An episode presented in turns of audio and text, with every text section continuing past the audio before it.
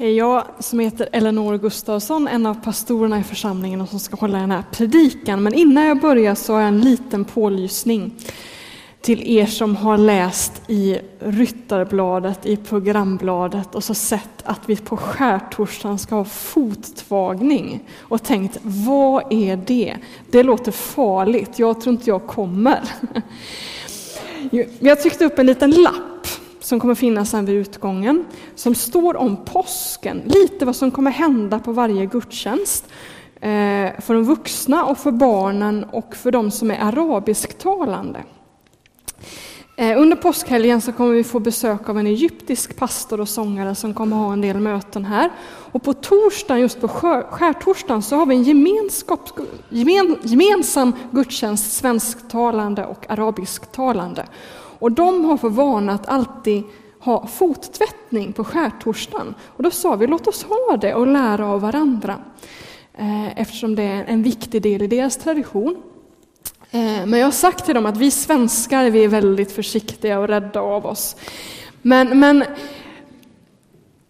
det är högst frivilligt att vara med i det momentet, men kom, stanna inte hemma Eh, för att du är lite rädd för det ordet, utan det kommer vara frivilligt att vara med på det. Och det, det kommer hända mer i den gudstjänsten. Vi ska fira nattvard vid långbord ute på kyrktorget, så missa inte det.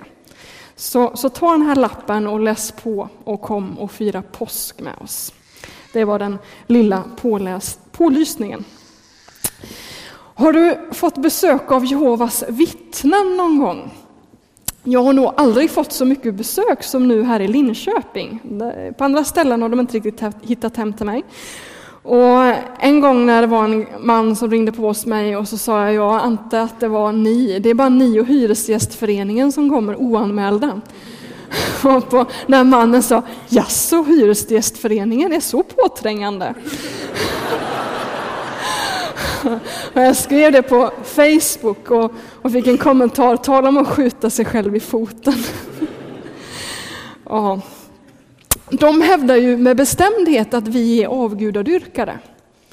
Eftersom att vi hävdar att Jesus är Gud. Det är vad vi säger i våra böner och våra sånger och när vi vittnar och så. Att Jesus är Gud.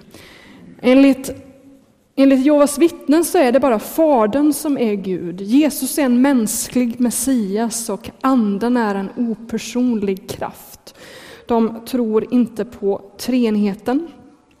Eh, och de gör inte det för att de säger att ja, men ordet finns ju inte i Bibeln. Det är bara något som kyrkan har hittat på. Men vi tror ju att verkligheten bakom det ordet finns i Bibeln och så har vi hittat den här lilla tekniska termen för det. Vi menar att, att, eh, att det finns skäl till att tro att Gud är treenig. Men de här Jehovas vittnen, de vill ha liksom tydliga verser. Det ska stå Gud är treenig och Jesus är Gud. Och det finns sådana verser som talar så tydligt. Jesus är Gud. Men de är lite grammatiskt knepiga och de kan översättas på andra sätt och i just deras översättning så står det inte så. Och vi teologer menar ju att amen, vi har goda skäl att översätta som vi har översatt. Och då kan man fråga sig, är det så att, att här, den här tanken att Jesus är Gud vilar på en sån bräcklig grund? På sådana här få enskilda verser? Och då är mitt svar nej. Det finns massa texter som vittnar om att Jesus är Gud. Inte på det här sättet att det står Jesus är Gud. Men betydelsen av det som står är just detta. Jesus är Gud. Och I Uppenbarelseboken hittar man massa sådana texter. Det är den bok man liksom lättast kan använda i argumentationen mot Jehovas vittnen. Men vi lämnar dem en stund Eh, och, och går till oss själva. Vad menar vi med ordet Gud egentligen? Alltså när vi säger att Jesus är Gud, vad menar vi med det begreppet egentligen? Eh, SOM-institutet gjorde en undervisning nyligen, undersökning, inte undervisning, undersökning nyligen som sa att 45 procent av svenskarna tror på Gud. Och då kan man fråga sig, de här 45 procenten, vad menar de med ordet Gud egentligen? Vad, vad är det de säger att de tror på och säger sitt ja till? Vad, vad, vad står det där för egentligen? Klas Newman, eh, församlingsledare i Johanneskyrkan, hade ju ett föredrag här nyligen i vår eh, bibelstudieserie som heter Motstånd. Och då berättade han om ett, ett samtal han haft på jobbet, eh, hans tidigare jobb som lärare i Norrköping. Och de hade pratat om det här med olika religioner och sådär. Och, och då hade någon sagt att men alla tror ju ändå på samma Gud egentligen. Och så hade Klas Newman ett föredrag om just det påståendet som är ju väldigt vanligt. Jag har hört lite mer och förstått att ni som kanske är lite äldre hade nog inte riktigt varit med om en sån diskussion förut. Ni finns inte i sådana samtal. Men jag vet att många ni yngre finns i sådana samtal ofta. Det är en vanlig uppfattning nu för tiden. Ja, men alla tror ju ändå på samma Gud, varför bråka? Vad menar de här personerna, 45 procenten, med ordet Gud egentligen?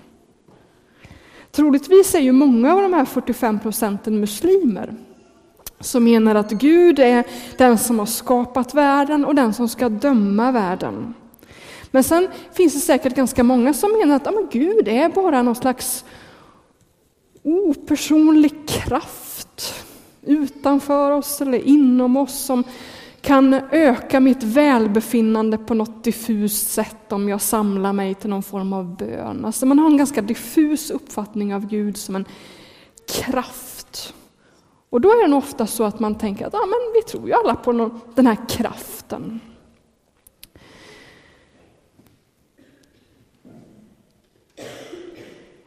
Bibeln beskriver det så här att Gud är ingen opersonlig kraft. Gud är en person med, med egenskaper, med vilja, med känslor. Han går att relatera till. Han är en person. Och då är, precis som vi är personer, vi är ju skapade till Guds avbilder. Vi är lika Gud. Precis som vi har en vilja, egenskaper, känslor så har också Gud det. Och då är frågan, vad skiljer oss från Gud? Vad är Gud ensam om? Och då säger Bibeln så här, det här är saker som, som Gud är ensam om. Endast Gud är evig. Han, han är allhärskare. Han kan skapa, han kan frälsa. Endast Gud har förmågan att döma.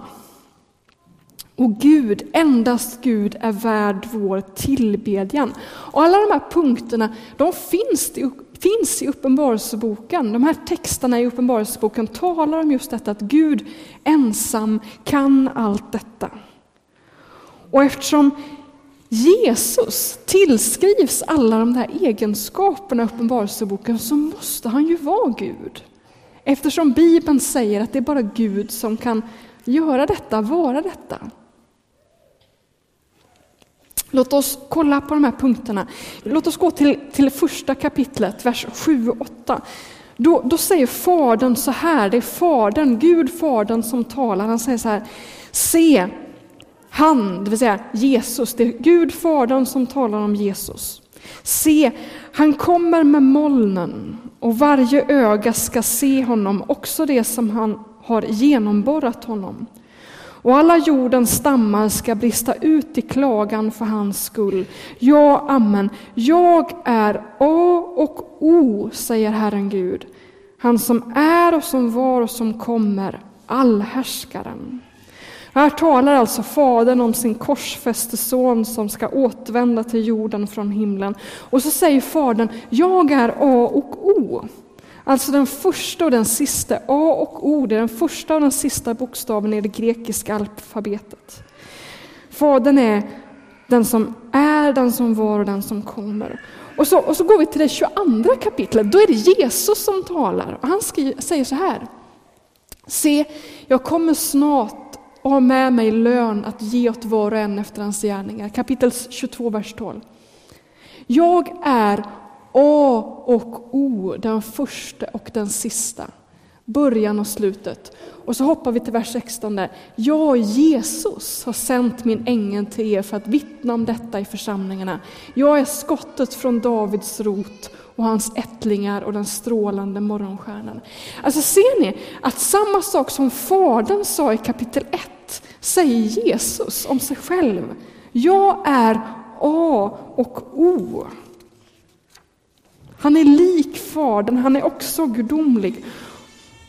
Och det här uttrycket A och O var vanligt bland grekiska filosofer när man skulle beskriva det eviga. Alltså förstår vi att både Fadern och Sonen är eviga. De är båda Gud. Och så finns det någonting där i mitten. Låt oss läsa de mittersta verserna där. Vers 14. Saliga de som tvättar sina kläder rena, de ska få tillgång till livets träd och få gå in i staden genom dess portar.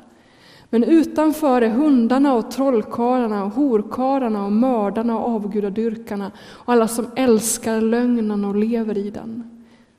Jag, Jesus, har sänt min ängel till er för att vittna om detta i församlingarna. Jag är skottet från Davids rot. Här, här vittnas det också om att Jesus är den som dömer. Och Det finns på andra ställen också, och Fredrik kommer predika om det nästa söndag. Och den som frälser.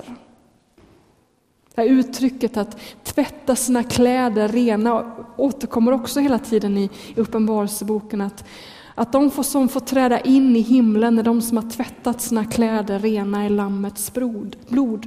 Alltså Jesus är evig, han är den som dömer och han är den som frälser. Vilket bara Gud kan göra, alltså är Jesus gudomlig.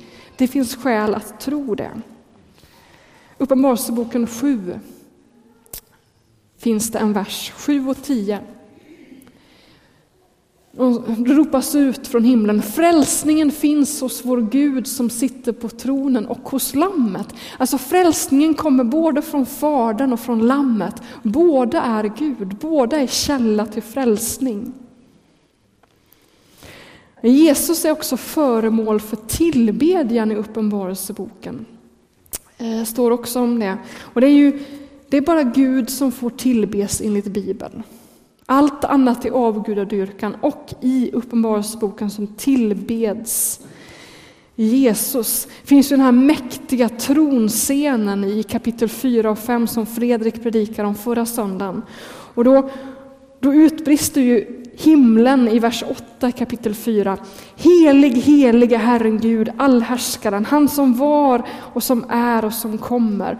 Och så fortsätter lovsången. Du vår Herre och Gud är värdig att ta emot härligheten och äran och makten, ty du har skapat världen och genom din vilja blev den till och skapades den. En parentes. Här tillbeds ju Fadern för att han är skaparen. Han är källan till vår verklighet. Och mig vetligen så står det ingenting om att Jesus är medskapare i Uppenbarelseboken, men det finns i andra ställen i Nya Testamentet att Jesus är också med vid skapelsen. Därför har vi också skäl att tro att Jesus är gudomlig. Men här tillbeds alltså Fadern och sen så får ju himlen syn på ett lamm eller en bokrulle först. Och Fredrik hade en fantastisk predikan om det förra söndagen. En bokrulle som, som innehåller planen för historien. Och också domen över världen. Och ingen kan öppna den här bokrullen utom lejonet av Juda. Som visar sig vara ett slaktat lamm. Och då brister himlen ut i lovsång igen när de får se det här lammet och det står så här. Lammet som blev slaktat är värdigt att ta emot makten och få rikedom och vishet och styrka och ära och härlighet och lovsång. Och allt skapat i himlen och på jorden och under jorden och på havet och allt som finns där hörde jag säga, den som sitter på tronen, honom och lammet tillhör lovsången och äran, härligheten och väldet i evigheters evighet. Och de fyra, fyra varelserna sa amen och de äldste föll ner och tillbad. Alltså läs den här texten för Jehovas vittnen och få dem förstå att här tillbeds lammet som Gud. Annars är det här hädelse. Det här kan man bara säga till någon som är Gud. Till den som är evig, den som frälser, den som dömer. Jesus är värd vår lovsång. Alltså sammanfattningsvis, Gud är evig. Både Fadern och Sonen är A och O. Endast Gud är allhärskaren, den som har makten. Och I Uppenbarelseboken beskrivs att både Fadern och Sonen sitter på tronen. Endast Gud kan skapa, och det kan Sonen också enligt Nya testamentet. Endast Gud kan frälsa, och i Uppenbarelseboken finner vi att både Fadern och Sonen är källa till frälsning. Endast Gud har förmågan att döma, och i Uppenbarelseboken kan vi läsa om att den som har domen i sin hand är lammet som har slaktats, som känner med mänskligheten, som har medlidande, som är full av nåd. Han har domen i sin hand.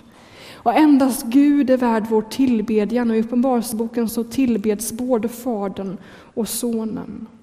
Och vad betyder det för oss nu då? Stanna upp inför det ett tag. Alltså Gud Vad menar de här 45 procenten som menar att Gud finns, att de tror på Gud? Ja, det är ju inte de här begreppen. För de här begreppen kräver ju någon form av underordnande. Att böja sig inför den mäktige, den som har makten i sina händer. Och de här 45 procenten lever ju inte på det sättet.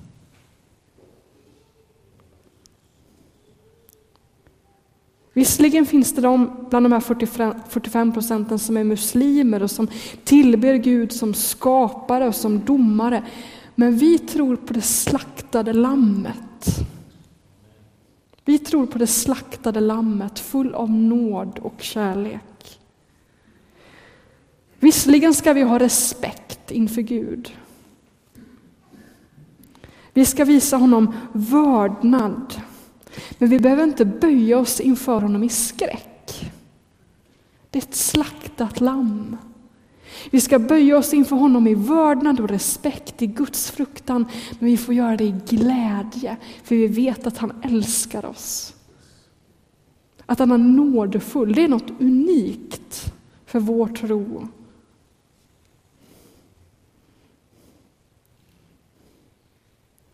Men jag tror att vi ibland glömmer den där respekten inför den väldiga, och det märks i, i vårt sätt att använda kroppen i våra gudstjänster. Uppenbarelseboken är fylld av människor som faller ner på sitt ansikte, på knä. De böjer sig fysiskt. Det är vi i Sverige väldigt ovana, men, men, men kommer man till Mellanöstern så märker man att både muslimerna och de kristna ber, ni vet, man faller på knä och man böjer huvudet mot marken i vördnad. Och det är ett sätt som muslimerna har fått från kristna. De kristna ber fortfarande så i Mellanöstern. De använder kroppen, visar vördnad på det sättet, gör som det står i skriften, man böjer pannan mot market, marken kan inte vi göra för vi har så mycket kyrkbänkar i vägen. Alltså ibland har jag folk som är så oroliga över att men när jag står och sjunger helig, helig, men tänk om tankarna flyger iväg och jag börjar tänka på vad jag ska laga till middag och sådana här saker. Men det är sällan jag hör någon som tänker, men tänk om jag står och sjunger lovsång, helig, helig, upphöjde du och glömmer att lyfta händerna. Det är det ingen som oroar sig för. Vi är så fokuserade på vad som händer här inne. Men vi är ju både kropp och själ och det hör ihop. Kroppen, alltså när vi lyfter våra händer så gör det någonting med vårt inre. Vårt inre stäms till lovsång. Och när, när vårt inre stäms till lovsång så vill kroppen hänga med, det sitter ihop. Och ibland får kroppen dra med sig själen, och ibland får själen dra med sig kroppen. Men det sitter ihop. Och vi i, i Sverige har lite svårt att förstå det. Det finns en ekumenisk plats i Frankrike som heter Tessé. Massa människor åker dit världen över och möts där framförallt på somrarna, då är det tusentals människor där och firar gudstjänst tillsammans. Och jag var där en gång och tänkte jag ska aldrig åka dit mer igen, för jag gillar inte folksamlingar på det sättet. Det var varmt och det var, ja usch. Jag åkte dit med, jag och en vän med en bussresa. Eh, vi hade hyrt två platser, precis som man gör i en buss, och så var det ett helt konfirmandläger med där som trodde att de ägde bussen. Och så går vår luftkonditionering sönder. Åh, vad varmt det var. Juli ner till Frankrike och vår buss gick sönder i Tyskland. Och jag sa att både på vägen dit, ner och vägen tillbaka. Och jag sa efter den resan, aldrig i mitt liv en bussresa igen.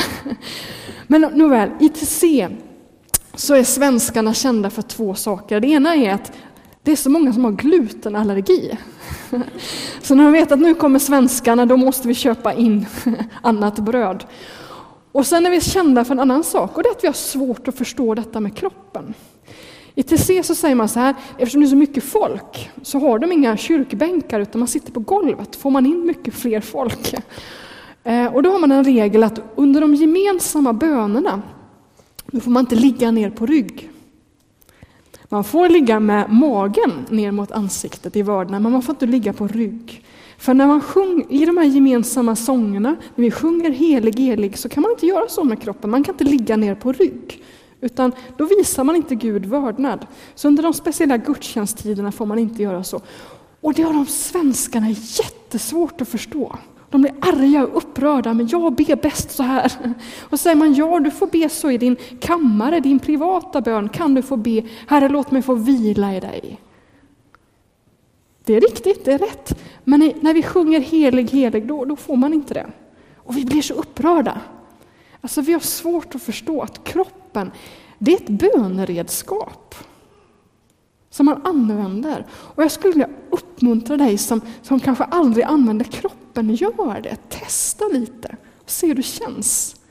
Som tonåring så fick jag ta emot ett, ett profetiskt tilltal i en gudstjänst som, som uppmanade mig om att just använda kroppen.